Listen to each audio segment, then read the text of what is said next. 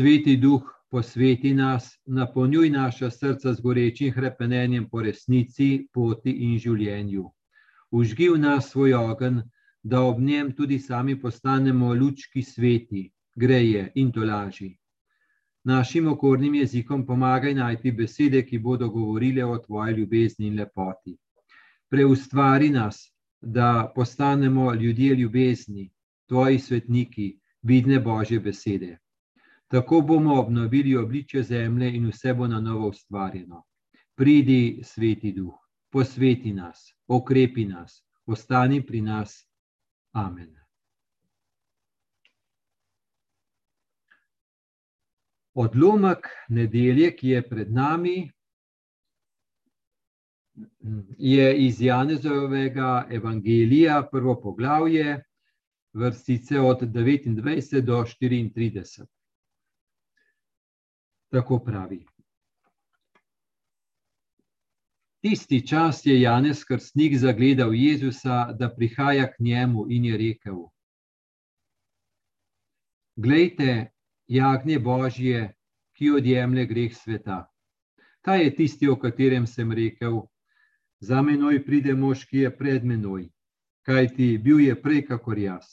In jaz ga nisem poznal, vendar sem zato prišel in krščujem z vodo, da se on razodene Izraelu. In Janes je izpričal. Videl sem duha, ki se je spuščal z neba, kakor golob in ostal nad njim. In jaz ga nisem poznal. Tisti, ki me je poslal krščevati z vodom, je rekel: Na kogar boš videl prihajati duha in ostati nad njim, tisti krščuje svetim duhom. In videl sem in pričujem, da je ta Božji sin.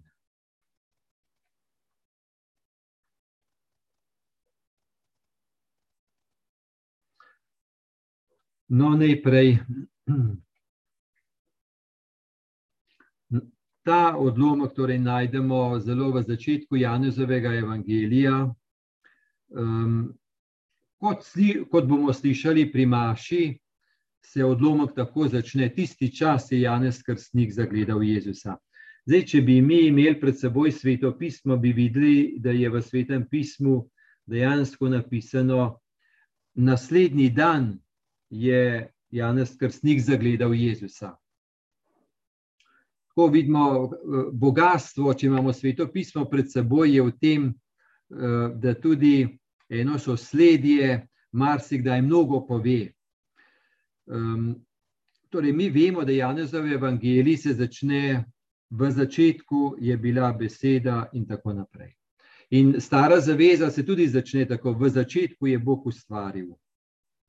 Torej, v grščini, ko je bilo stara zaveza, nova zaveza, je čisto enako bilo. Ne? V začetku je nekaj Bog naredil, v začetku. In vemo, da v stari zavezi je potem stvarjenje po dnevih, prvi dan, drugi, in tako naprej. No, v Janezovem evangeliju, če ga imamo tako pred seboj, pa vidimo, torej po tistem vodu, takem posebnem vodu, ki ga ima, je potem najprej Janez Krstnik pričuje, torej kako je on učil, in tako naprej. Torej, to je prvi dan. Potem drugi dan je ta naš odlomek, ki se začne naslednji dan, in tako je to, torej drugi dan, ko je krstnik pokazal na Jezusa. Potem pravi odlomek naslednji dan, to je tretji dan, naslednji dan je Janez spet stal tam in še dva izmed njegovih učencev. In če beremo naprej, je spet en dan, je naslednji dan, je Jezus hotel oditi v Galilejo, torej že četrti dan. No, in potem naprej, tretji dan je bila svadba, in pridemo ravno do sedem, ravno cel teden je pokrito. Ne? Ravno svadba v Kani Galilejski ima v Janezu tako močno simbolno vrednost in je ena dopolnjenost, zakaj pravzaprav gre pri Kristusu in njegovem odrešenju. Tako to, če bi imeli pred seboj, je to res zanimivo, ne? kako je vse to strukturirano. No, mi bomo pa pri tem našem odlomku. Tako začenja. Tisti čas je Janez Krstnik zagledal Jezusa, da prihaja k njemu. Prej je bil opis, kaj je Janez Krstnik delal. Torej, lahko rečemo, da je Janez Krstnik predvsej bil v enem takem, to, kar je običajno delal. Torej, sprejemal je ljudi, poučeval ljudi, jim je govoril, vemo, da jih je malo jih je kregal, um, da, da bi se spreobrnili, pa da bi se zavedali, da ga lomijo v življenju, pa da naj se malo bolj naravnajo na eno pravo pot. Krstu jih je, torej, da je tista voda odplaknila njihovo umazanijo in da so lahko na novo začeli. Obenem jim je pa tudi on močno govoril, nisem jaz Mesija, nisem jaz odrešenik, za menoj pride on, jaz vas samo z vodo krščujem, on bo pa potem krstil s svetim duhom. Torej, v tem, ko je, ko je lahko krstnik leta in leta to delal, pa tako govoril, se je enega dne to zgodilo, da je prišel k njemu, torej Janez Krstnik je zagledal Jezusa, da prihaja k njemu. Enkrat se je to zgodilo. Janez Krstnik kaj lahko delal? Janez Krstnik je lahko gojil pričakovanje, da bo enkrat prišel.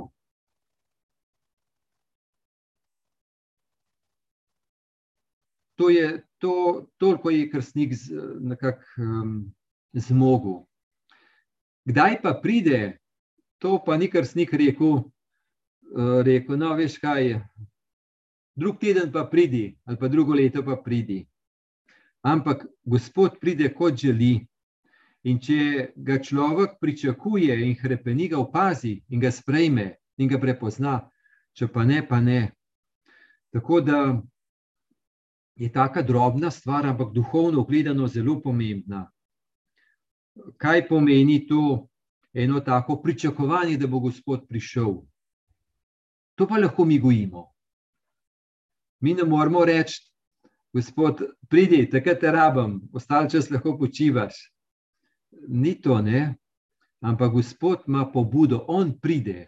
Torej, dobro je, da on pride, če bi mi morali iti k njemu, itak bi mi šli v ene naše predstave njega. Gospod je zmeraj drugačen in Janez Krstnik nam to močno govori. Torej, on, ki se razodeva znova in znova. Če bi mi rekli, mi moramo Jezus videti, bi mi šli v ene naše predstave, ampak to, to res se ne bi dobro rešilo. On je, ki prihaja. Torej, to je dobro, da on prihaja. Obenem je pa, da on prihaja, kadar on želi pa tudi na način, kot želi. Tako da to pričakovanje, pričakovanje, zaupanje in pričakovanje, to je tako temeljno v duhovnem življenju, res temeljno. Torej, smo rekli, Janez Krstnik je bil polno okupiran s svojim delom, kaj je govoril, ljudi sprejemo pa to. Obenem pa, kot da je en del njega bil pozoren, no, govorim, da bo ta enkrat prišel ker prej je govoril, naprimer, pred našim odlomkom. Jaz krščujem v vodi, med vami pa stoji on, ki ga ne poznate. Torej, med vami pa stoji on, ki ga ne poznate. In tudi danes v našem odlomku bo on, krstnik, tudi on govoril, da ga on ni poznal. Torej, je rekel krstnik, med vami je, pa ga ne poznate. Zase bo tudi rekel, jaz ga nisem poznal bomo potem naprej videli, no, kako je to. Torej, kako je to, mm, je prisoten, ampak ga še niso poznali. Prišel pa je poj čas, da ga je Janez Krstnik zagledal, prepoznal in ga pokazal. Pride ta čas. Tako da v tem smislu lahko rečemo, da ta prvi dan, ko je Janez Krstnik pričeval, je bilo to. Med vami je pa ga ne poznate. Ko ta prvi dan je lahko zelo dolg, da je Gospod med nami, pa ga ne poznamo. Poj v tem drugem dnevu ga pa nam nekdo pokaže, pa da se zavedamo, da je prisoten. Se mar si kdaj tako tekom življenja, mi za nazaj vidimo, kako je Gospod bil prisoten, pa takrat ga sploh nismo poznali. Za nazaj pa bolj vidimo, kako je bil prisoten, kako je skrbel za nas, kako nas je vodil, varoval. Takrat pa morda niti nismo vedeli. Torej, ta prvi dan je med vami je, pa ga še ne poznate. No, potem drugi dan, pa kar snik ga pokaže. Torej, tisti čas je Janez Krsnik zagledal Jezusa, da prihaja k njemu in je rekel: Glejte, jagnje Bože, ki odjemlje greh sveta. No, to najprej nam govori o tem, kako. Torej, kdo je bil zraven, ne vemo. Verjetno ljudje so bili zraven, verjetno tisti ljudje, ki so bili takrat tam.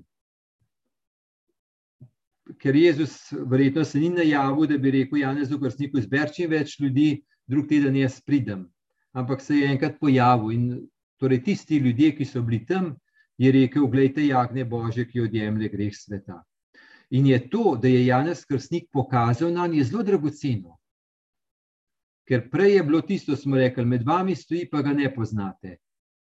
Ampak da je prav en Janez Krstnik, njegova vloga je zelo pomembna, da nekdo pokaže, da je nekdo pokazal. Tako da eno od takih vprašanj ob tem odlomku je lahko to, kdo vse nam je tekom življenja pokazal na Kristusa. Nekaj gotovo lahko že v domači družini, pa potem še na kakšne druge načine.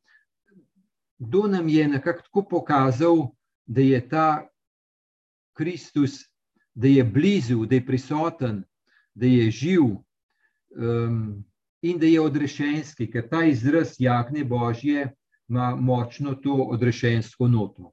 Torej smo rekli, prvo je, nekdo pokaže, uh, Janez Krstnik pokaže in tudi mi smo bili deležni kakšnih Janezov Krstnikov, ki so nam pokazali in smo se lahko zanesli na nje um, in potem se odprli Kristusu. Bolj osebno. Potem pa to jagnje Božje, ki odjemlje greh sveta. To se pravi, krstnik, ki je pričakoval in ki je čutil, da je njegova naloga pokazati na Kristusa, ga je na ta način predstavil. Jagnje Božje, ki odjemlje greh sveta. No, in to je tako res močna odrešenska nota v smislu, Jezus, pričakovani Mesija, je odrešenik. In kakšne vrste odrešenik, torej tiste vrste jagnje Božje, ki odjemlje greh sveta. No, in v tem se zdaj uh, bomo malo bolj še ustavili. Jagnje Božje, jagnje.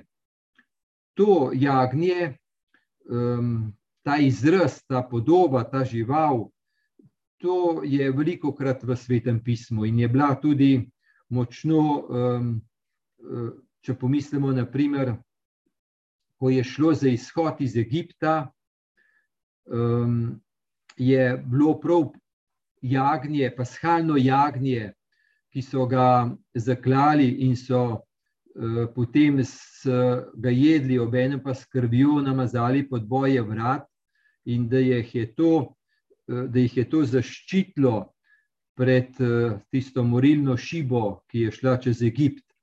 To se pravi, ko so oni slišali, gledajte, jagne Božje, ki odjemlje greh sveta, oni so, ko so to slišali, je v njihovi tako te duhovni, verski imaginaciji, je prišla ta podoba. Torej, jagneta, um, ki, ko je šlo za izhod iz Egipta, ima pomembno vlogo.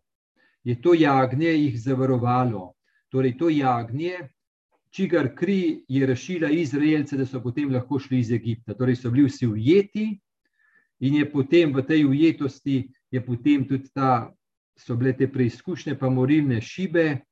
Um, no, ni, oni pa prav zaradi tega jagneta so bili rešeni. To se pravi, je to močno, močno vezano, prav kri tega jagneta jih je rešila, ko simbolno gledano. Zdaj, ko so oni slišali ta izraz jagne Božje, so močno se spomnili stare zaveze, odrešenja iz Egipta. No, in zdaj se pripravlja v Jezusu Kristusu pa dokončno odrešenje. Tisto iz Egipta je bolj, rečemo, lahko malo bolj zunanje, zdaj pa pripravlja Bog eno dokončno odrešenje v Kristusu ki je v tem, torej Božje jagnje, ki odjemlje greh sveta. Božje jagnje, ki odjemlje greh sveta. Torej, vse potem v novi zavezi imamo večkrat to rečeno, um, naprimer Pavel pravi, Kristus, naše pashalno jagnje, je bil namreč žrtvovan, večkrat je potem to uporabljeno. Sploh pa potem v razodetju, kjer je jagnje, torej Kristus, kjer je prikazan v zmagoslavju, da je tisti, ki odpre knjigo življenja, ki odpre skrivnosti, um, tako pravi razodetje 17-14. Ti se bodo bojevali z jagnjetom, a jagnje jih bo premagalo, ker je gospod, gospod, ker je gospod gospodov in kralj kraljev in z njim ured tisti, ki so poklicani, izvoljeni in zvesti. Torej, tudi v razodetju imamo to podobo. Zdaj, mi bi lahko še več govorili, kako je jagnje v stari zavezi prisotno, um, naprimer v Izaiju, tam, ko pravi um, o trpečem božjem služabniku, Izaija 53, pravi, bil je mučen, se je uklonil in ni odprl svojih ust, kakor jagnje, ki ga peljejo v zapor, in kakor ovca, ki omokne pred tistimi, ki jo strižejo in ne odpre svojih ust. To se pravi, ko so oni slišali, ogromno teh podob se je v njih uh, zbudilo, prebudilo, in um, je pa močno no, v odrešenskem tonu, da je odrešenik prišel. Torej, nekdo, ki bo nekaj dokončnega naredil, eno dokon, nekaj dokončno odrešitev prinesel. Um, pravi, odjemlje greh sveta. Odjemlje greh sveta. Mi poznamo pri Mašič, ko poslušamo, je tisto, ko duhovnik pred obhajilem reče, Glejte, jagne Božje, ki odjemlje grehe sveta. Tako rečemo. Ne? Pa pa mi rečemo, nisem vreden in tako naprej. To se pravi, ja, glejte, jagne Božje, ki odjemlje grehe sveta. Torej, to za Euharistijo, to je vzeto od tukaj, ne od Janeza Krstnika, je pa vidimo, da je spremenjeno iz ednine v množino, ki odjemlje grehe sveta ali pa ki odjemlje greh sveta. Zdaj, zakaj se je to zgodilo, ne vemo, ne vem, torej, ve se gotovo, jaz ne vem. Je pa dobro, um, da res prisluhnemo tukaj, ko pravi Janez Krsnik, ki oduzeme, ki oduzema greh sveta. Greh sveta, torej en greh vzame. Torej, za kater greh gre? Torej, kater greh je tisti, ki ga tukaj Janez Krsnik omenja? in ki ga um, Jezus oduzame. Za kater greh gre? To nam pomaga prepoznati, da ko se vprašamo, kaj pravzaprav greh je, ki greh začne.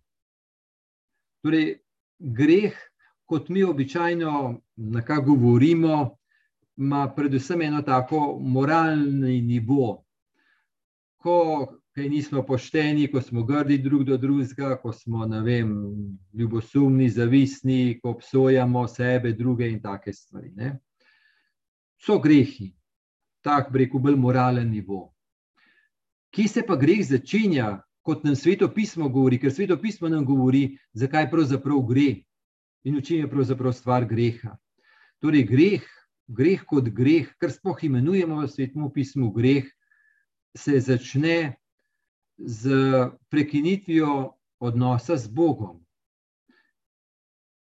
Da rečemo, ali pa s temi besedami, da gre začne tam, ko človek ne pozna več božje ljubezni in da je Bog dober. Greh se začne tam, ko človek ni več ljubljen, ko ne ve več, da je ljubljen. Greh se začne tam, kjer človek ni več pri izviru ljubljenosti, kjer bi človek prejemal in bil s tem vreden, in je poj, torej, se sprošen zgrešen mehanizem, kako naj človek svoje življenje vredno naredi, svoje življenje reši, napolni, da bo vredno.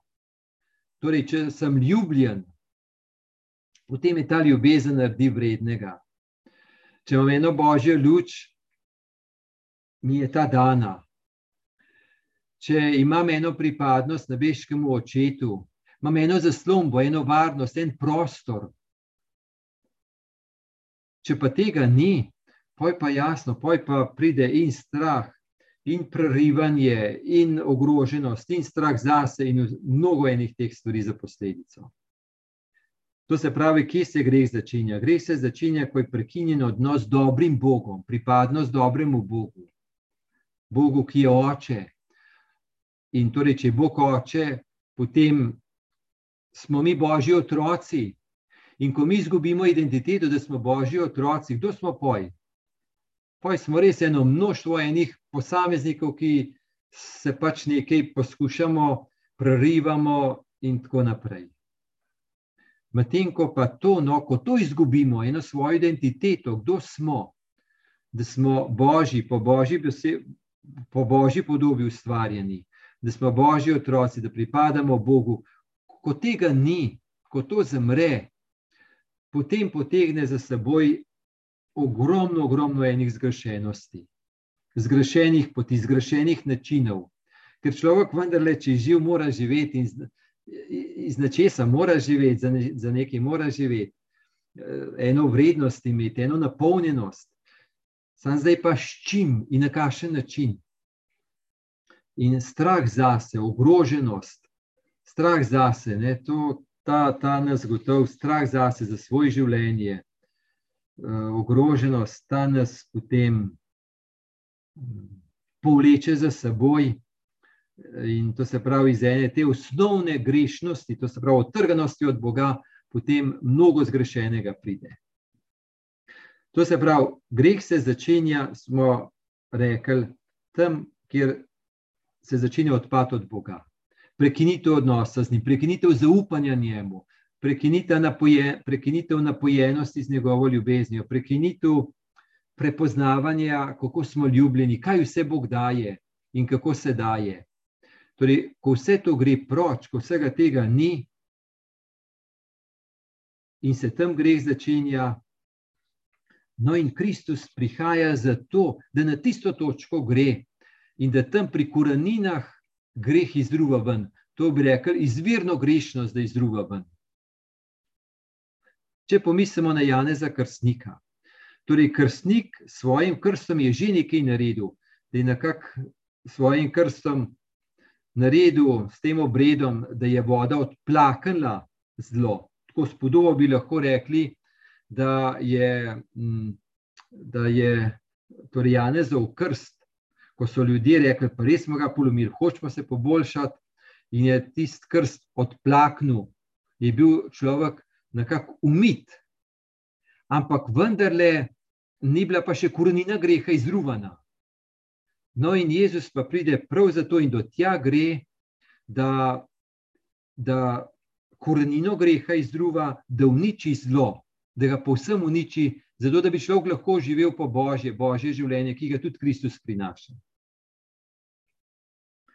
Torej, to Kristus prinaša, torej odjemlje greh sveta, torej oduzima nekaj, um, to se pravi pri korenini, kjer človek odpade od Boga, in Kristus gre tja, da spet, to se pravi, kjer je bil prepad narejen med očetom in človekom, da ta prepad premosti. On ga bo premostil na kakšen način? Premostil ga bo na ta način, da bo do konca zvest očetu, tudi za ceno lastnega življenja.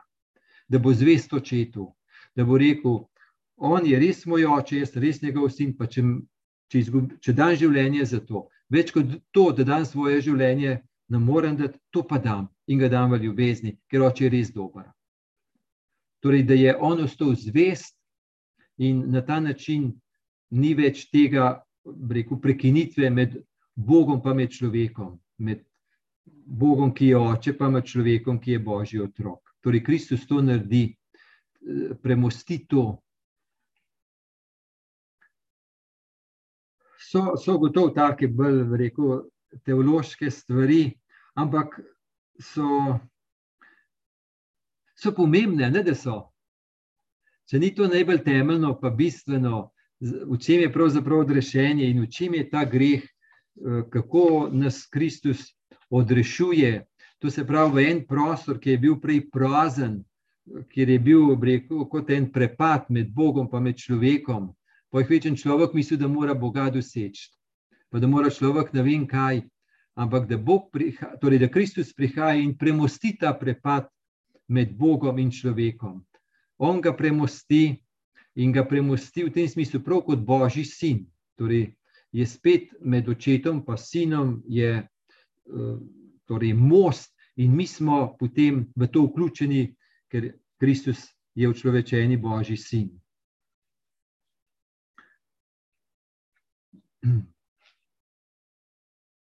Če bi mi imeli pred seboj um, ikono spusta v predpekel, to, kar je ena od takih najbolj, um, ali pa lahko rečemo, tudi najbolj tipična uh, tipologija, kako so v sakralni, v svetih podobah, kako so izrazili skrivnost odrešenja v Kristusu, je to, torej, da se Kristus do konca spusti, torej do Adama pa Eve, tam do tja, kjer sta ona dva se odtrgala od Boga, od izvira, do tja gre. Torej, v tem smislu je odrešenje, ne, do, do tam, kjer se greh začenja. To se pravi, Jezus Kristus oduzema greh sveta. Torej, tisti greh, ki naredi, da mi grešimo. Torej, on nas osvobodi tistega greha, ki potem ki ima za posledico, da mi grešimo. Torej, zaradi tega izvirnega greha, zaradi tega izvornega greha, zaradi tega, tam, kjer se greh začenja, odpad od Boga, od božje ljubezni, tam, kjer se nekaj mm, naredi, torej, tja noter Kristus stopi. Tja, torej, da tisto temeljno, osnovno zgrešenost, grešnost, ki naredi, da potem mi grešimo, tistega nas osvobodi. Tja gre, da tam zapolne. In ni to nekaj velikega, ali ni to nekaj velikega, da je celo grešnik ljubljen. Kako ne grešnik neha ljubiti? Ne, neha grešiti. ne, neha Kako ne grešnik neha grešiti? A na ta način, da se je potrudil, da v neha grešiti. Če je bilo tako enostavno, poj bi rekel, Kristus je pa res brez veze prišel. Postavo smo imeli že prej. Tudi grška etika je bila zelo zahtevna. Če mi beremo grško etiko, ima to je tako zahtevna. To ni kar nekaj. Če beremo Aristotela, to, to, to so take že, bi rekel, moralna načela, etična načela, da bi rekli, se že vse vemo. Ampak vprašanje ni to, vedeti, kaj treba, ampak moč za to. No, to nam pa Kristus prinaša. Ampak prav bi rekel, da gre tam, kjer sicer vsi vemo, kaj pomeni biti ljubljena. Ne? In kaj to, če smo ljubljeni, kaj pomeni to za življenje, kaj pa pomeni, če ne, in moramo mi na kakšen način si rešiti svoje življenje.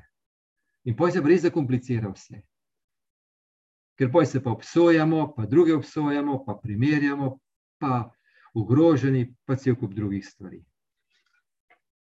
Torej, tako, hm, Kristus tja gre. Zdaj gremo brž naprej.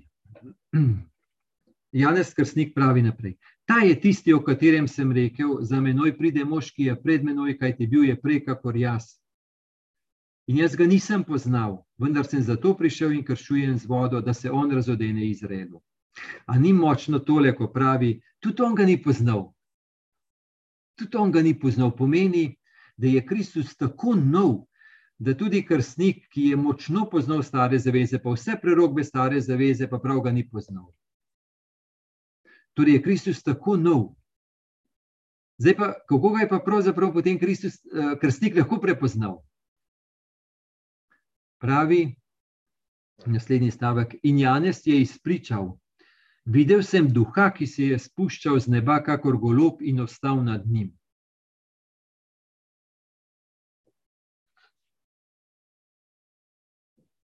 In jaz ga nisem poznal.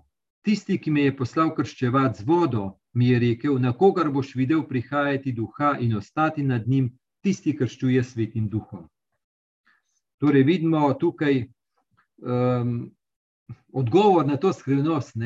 Torej, kar snik reče, jaz ga res nisem poznal, pa čeprav sem poznal vse prerokbe.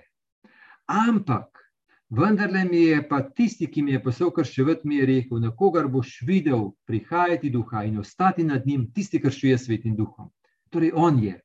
To se pravi, krstnik z vso poznavanjem stare zaveze ne bi mogel, če ne bi sveti duh bil, bil dan pa prišel. Zdaj, naprimer, vidimo tudi, če beremo Luka, koliko je močno podarjen, evangelist Luka, koliko je močno podarjen sveti duh.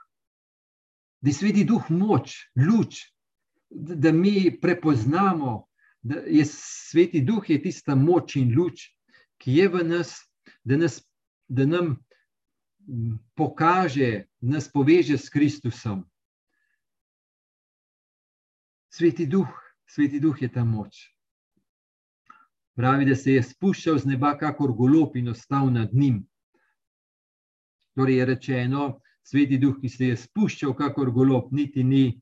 Zdaj rečeno, da je bil sveti duh v golobu, ampak da se je spuščal, kakor golob. Ampak pravi, da je ostal nad njim. A vidite, kako je to podarjeno. Na kogar boš videl prihajati duha in ostati nad njim, tisti, kar čuje svetim duhom. To je ena taka drobna nijansa, ampak je zelo pomembna ker mislim, da imamo predvsej to izkušnjo, da mi, kakšne milosti smo deležni, ampak to ni dovolj, da smo jo deležni, ampak da jo tudi ohranimo. To, da tudi ohranimo milost. Torej, biti deležni milosti, lahko res smo enih milosti deležni, tako, ampak če ne ohranimo, potem, potem uh, tisto nekako čepi nekje v našem srcu, ampak ne živimo iz tega. Ne smemo pa zamenjati milost s čutenjem, pa občutje milosti. To je spet drugo. Zdaj, ravno v tem je stvar. Ne? Če mi uh, zreduciramo milost na občuteno milost, na čustveno občuteno milost, potem, ko čustvo gre proč, rečemo, milosti ni več. Ampak da je pa milost nekaj globljega. Da takrat, ko prejmemo milost, da nismo v čutenju, pa nekako v uživanju tistega čutenja, občutja, čustva, občut, to, ampak da nekako, ko nam je dana milost, ki jo občutimo, da nam to pomaga, da gremo globlje v sebe, v globino srca, globlje od enih takih običajnih čustv. In da nam torej prijeta milost, da nam nekako da nam krepi zavest, da smo ljubljeni, da smo v gospodovih rokah. To pa je bolj pomen, um, da se učimo ohraniti milost, torej da se krepi ta uh, zavest ljubljenosti. Torej, gotovo nam mar zdaj, marsikdaj nam je dano občutiti milost, močno. Ampak kaj pomeni poj zadrževati se v tistem, kaj pa pomeni reči, o Gospod, pa lej, pa res, pa res si ti resničen, pa res mi nekaj daš pa res je prisoten, pa res si dober, pa si resničen. In pa se pa kar nekako bolj iz tega čustvenega sveta gre in globlje v eno zavest ljubljenosti. In na ta način, um, ali pa je to eden od načinov, no, kako ohranjamo um, milost. Ker to je pomembno, to se pravi, duh je dan, milost je dana, ampak pravi, da je ostal nad njim, torej, da, jo, da tudi to ohranimo, da to, tako, na, ali pa s to podobo lahko, kako je ena božja ljubezen na nas, ena božja roka na nas, ki nas varuje, da jo včasih to občutimo, ampak je pa še to nekako, da ostane v nas ta zavest. Da božja roka, ki nas ima rada, da ostane nad nami, tudi takrat, ko jo ne čutimo. To se pa naredi, ne da pridejo kakšne druge roke, ki so bolj grde. In jih čutimo, udarci, kritike, in, in takrat, takrat gotovo so naša čustva napolnjena z, govoritvijo teh rok, ki nas tepajo, ki nas kritizirajo, ponižujejo, zasramujejo in tako naprej.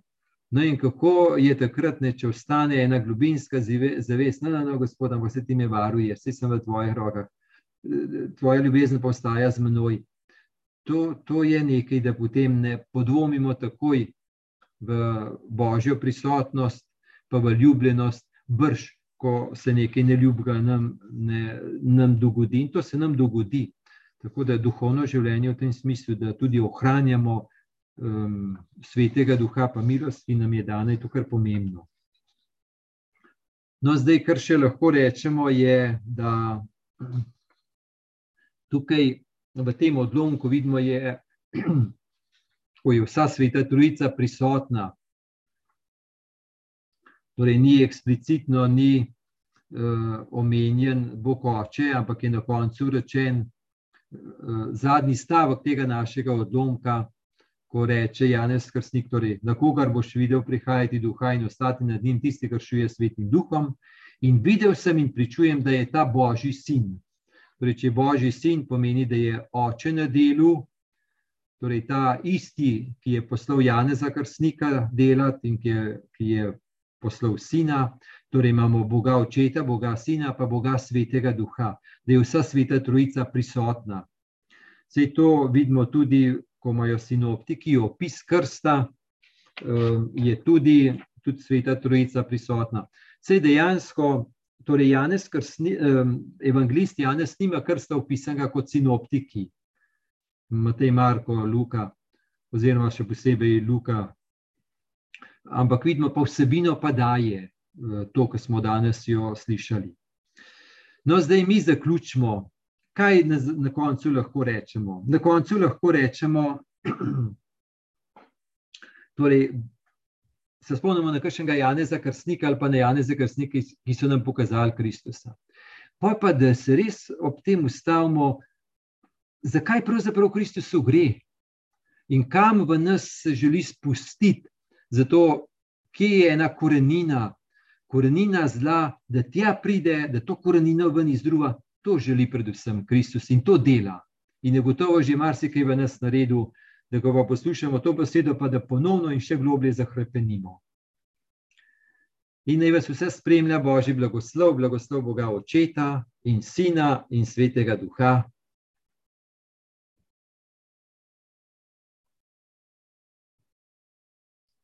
Hvala, hvala, hvala, hvala z Bogom. Bogom.